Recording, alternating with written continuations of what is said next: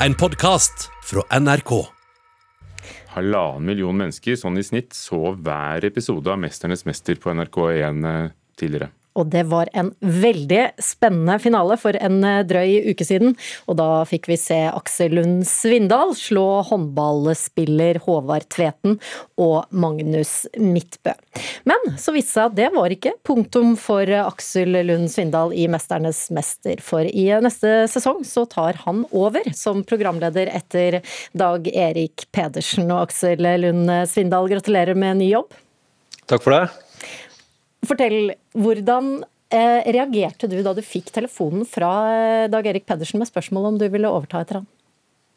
Um, nei, jeg, uh, jeg kom vel veldig overraskende, for å si det mildt. Jeg hadde nok ikke sett for meg å um, ha den her type jobb, må jeg være helt ærlig. Når jeg var der sjøl som deltaker òg, så um, virka det ganske fjernt. Men det var jo veldig veldig gøy å være med, og det er jo et utrolig proft opplegg. altså en, uh, Produksjonen er rett og slett imponerende. så um, det er jo gøy å kunne være en del av uh, og ja, skape et produkt som jeg syns også Når jeg ser det på TV sjøl, så er jeg jo imponert. Så være med på det syns jeg virka som en kul utfordring. Så da um, tenkte jeg meg ikke så veldig lenge om før jeg svarte ja, selv om det var, uh, selv om det var overraskende. Men du tenkte deg litt om. Hvilke avveininger måtte du gjøre?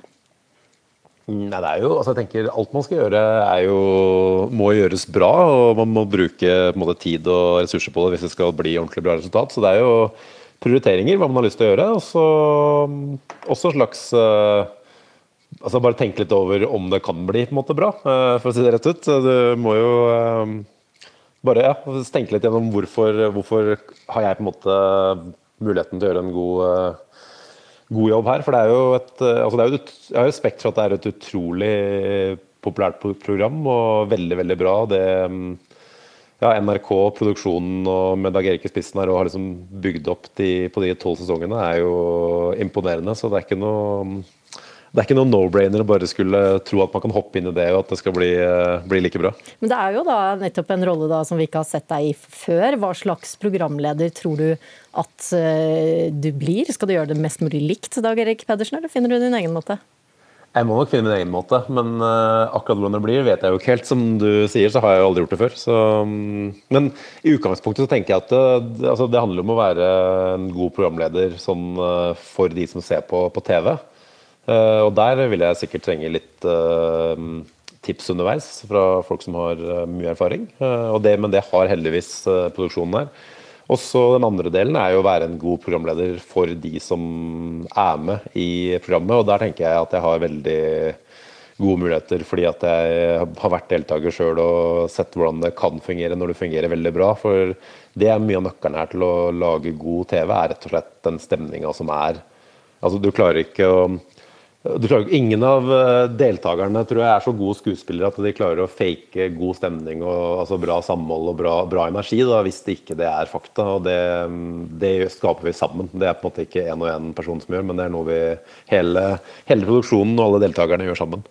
Og Som programleder så får vel du kanskje nettopp eh, innvirkning på hvem som blir neste sesongs eh, deltakere. Har har du noen ønsker der? Er det noen gamle rivaler som du har lyst til å se lide i 90-graderen? Det, jeg, verken tror eller håper jeg har innvirkning på det. For det vil jo gjøre, måte, gjøre kanskje at jeg um, får noen vans, vanskelige valg. Men uh, det hadde vært gøy å sett uh, altså ekskollegaer, la oss kalle det da, alpinister. Altså, um, om det er Kjetil André Aamodt eller Lasse Kjus, eller om det er på en måte de som er noe yngre. altså jeg tenker etter hvert om noen år, når Jansrud er ferdig. Om enda flere år, når eh, Alexander Aamodt Kilde har lagt skia på hylla, da er kanskje ikke jeg programleder, men han er jo fysisk så rå at han hadde vært, eh, vært tøft å se her. Men det er, ja, det, er, det er mange som kommer til å sikkert få muligheten, også da ha muligheten til å gjøre en kjempefigur. Det, men det, det her har jeg ikke diskutert med noen, men jeg håper at ikke jeg har noen innvirkning på det. For det ville vært litt, uh, litt slitsomt, kjenner jeg. Og bare kort til slutt, eh, Når skal du i gang? Når starter innspillingen av neste sesong? Jeg er ikke helt eh, bombesikker på dato, men jeg har fått beskjed om å holde av tid i sommer. Så um, vi får se når sommeren kommer til Norge. Men uh, første sommermåneden er juni, er det ikke det? Så da er det vel uh, fra 1. juni omtrent um, man kan forvente at det begynner å skje noe. Mm. Jeg ønsker deg lykke til med ny jobb, og tusen takk for at du var med, Aksel Lund Svindal. Takk skal du ha. Kongehuset er under press for å svare, er overskriften i britiske The Guardian i dag. Selvfølgelig etter intervjuet som ble vist i Europa i går kveld, også Norge, det var på TV3, med britiske prins Harry og kona Meghan. Det er det første intervjuet de har gitt sammen, etter at de forlot sine kongelige forpliktelser og privilegier, og de ga det til Oprah Winfrey på CBS i USA. Og de snakker om opplevelsen og møtet med den britiske kongefamilien for Meghan. Hun anklager kongehuset for å ha rasistiske undertoner og for ikke å ha gjort nok for å komme henne i møte. Reaksjonene har vært mange, også i Norge, og en av dem kommer fra historiker Trond Norén Isaksen, som har skrevet mye om kongehus. Dette intervjuet er jo et frontalangrep på hele den institusjonen som det britiske monarkiet er, som blir framstilt som fullstendig uutholdelig. Samtidig som at de også går til uh, angrep på enkeltpersoner. Trond Norén Isaksen er historiker og forfatter av seks bøker om det norske kongehuset. Han synes måten prins Harry og hertuginne Meghan skildrer det britiske kongehuset på i intervjuet med Oprah Winfrey, er oppsiktsvekkende. He won't be given security. Han not going to be given a title. And also concerns and conversations about how dark his skin might be when he's born. What? I intervjuet kommer paret med sterk kritikk av den britiske kongefamilien, og det forteller bl.a. om at enkelte medlem var bekymra for hva hudfarge deres førstefødte kom til å få, og hva det ville innebære for monarkiet. Og Isaksen mener det er problematisk at de kommer med påstander som ingen kan bekrefte. Og det at man da sier A, og man sier ikke B, og man sier at dette er det eneste man vil si om dette, så åpner man jo for helt uh, grenseløse spekulasjoner om hvem dette var, og ikke minst hva som ble sagt. Videre skylder paret kongehuset for å ikke forberede Meghan på hva rolla hennes faktisk skulle innebære. Isaksen har sympati med Meghan, og mener hoffet har svikta, men at Harry er den som har svikta henne aller mest. For hun hadde overhodet ingen forståelse for hvilke oppgaver og hvilke begrensninger på livet hennes det ville føre til. Og her er det jo helt åpenbart først og fremst prins Harry som har sviktet henne. Altså den som var nærmest til å forklare ham hva det ville innebære for hennes liv å gifte seg med ham og gå inn i den familie den familiebedriften og den institusjonen som han er født inn i. Eh, og det er ganske oppsiktsvekkende. Det noen i alle fall burde forberedt Meghan på, det er at det å være kjendis og det å være kongelig er to radikalt forskjellige ting. Inger Merete Hobbelstad, kommentator i Dagbladet og forfatter av Årene med dronning Elisabeth, er usikker på om det først og fremst er Harry som har skylda for situasjonen de nå er i. Eh, altså Hvis du er kjent i kraft av å være skuespiller, så har du bygget deg selv opp gjennom rollene du har valgt, gjennom de politiske eh, standpunktene du har inntatt. I dagens Hollywood så forventes det jo nærmest at man også også har en aktivistisk eh, innstilling og uttaler seg i politiske spørsmål. Men i det øyeblikket du er kongelig, så vil folk føle at her er det noen som ikke representerer dem lenger.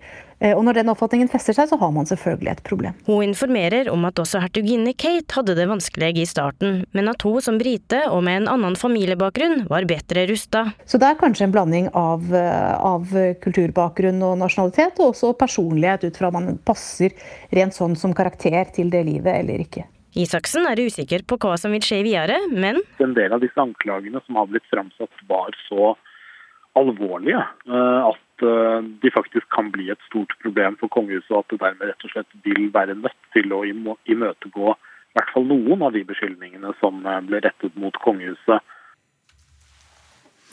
Trond Norén Isaksen til slutt, reporter Oda Elise Svelstad.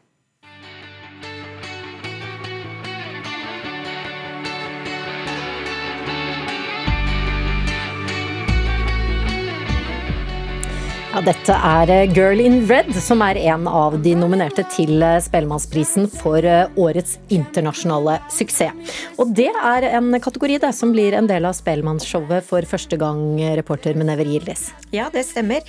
Marie Ulven, eller Girl in Red, Payday og Boy Pablo og Bodø-artisten Caroline Eileen er alle nominert til Spellemannprisen for årets internasjonale suksess. En kategori som nå tas inn i varmen, om man skal si, eller til Spellemannshowet for første gang. Det skriver Spellemannprisen i en pressemelding.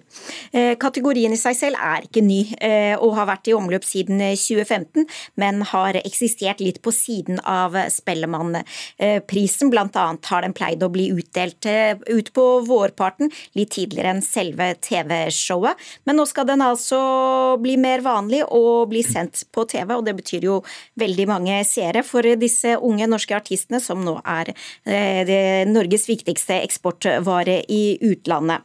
Eh, årets internasjonale suksessprisen er et samarbeid mellom Spellemann og stiftelsen Music Norway, som jobber med nettopp dette, eksport av norsk musikk.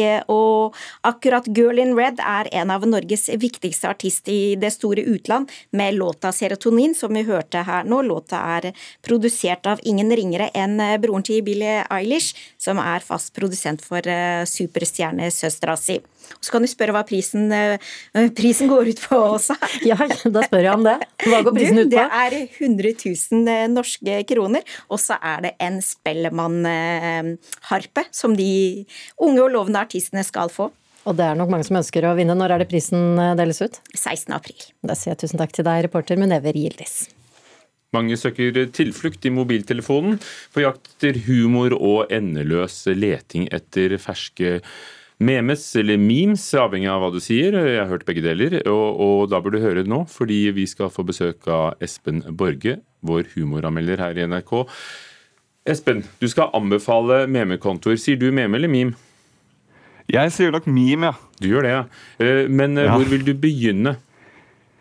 Jeg kan starte med en eh, litt eh, smal konto som eh, inkluderer en annen anbefaling, nemlig den dokumentarserien som heter Komikameratene fra 2012. Der følger vi Tommy Steine, Sturla Berg Johansen, Jonas Kinge Bergland og Rune Andersen på turné med showet sitt Komikameratene. Det som er spesielt med den serien, er at de fire gutta har ikke noe spesielt god kjemi. og det, Da blir det en del ganske liksom, pinlige og ufrivillig morsomme scener.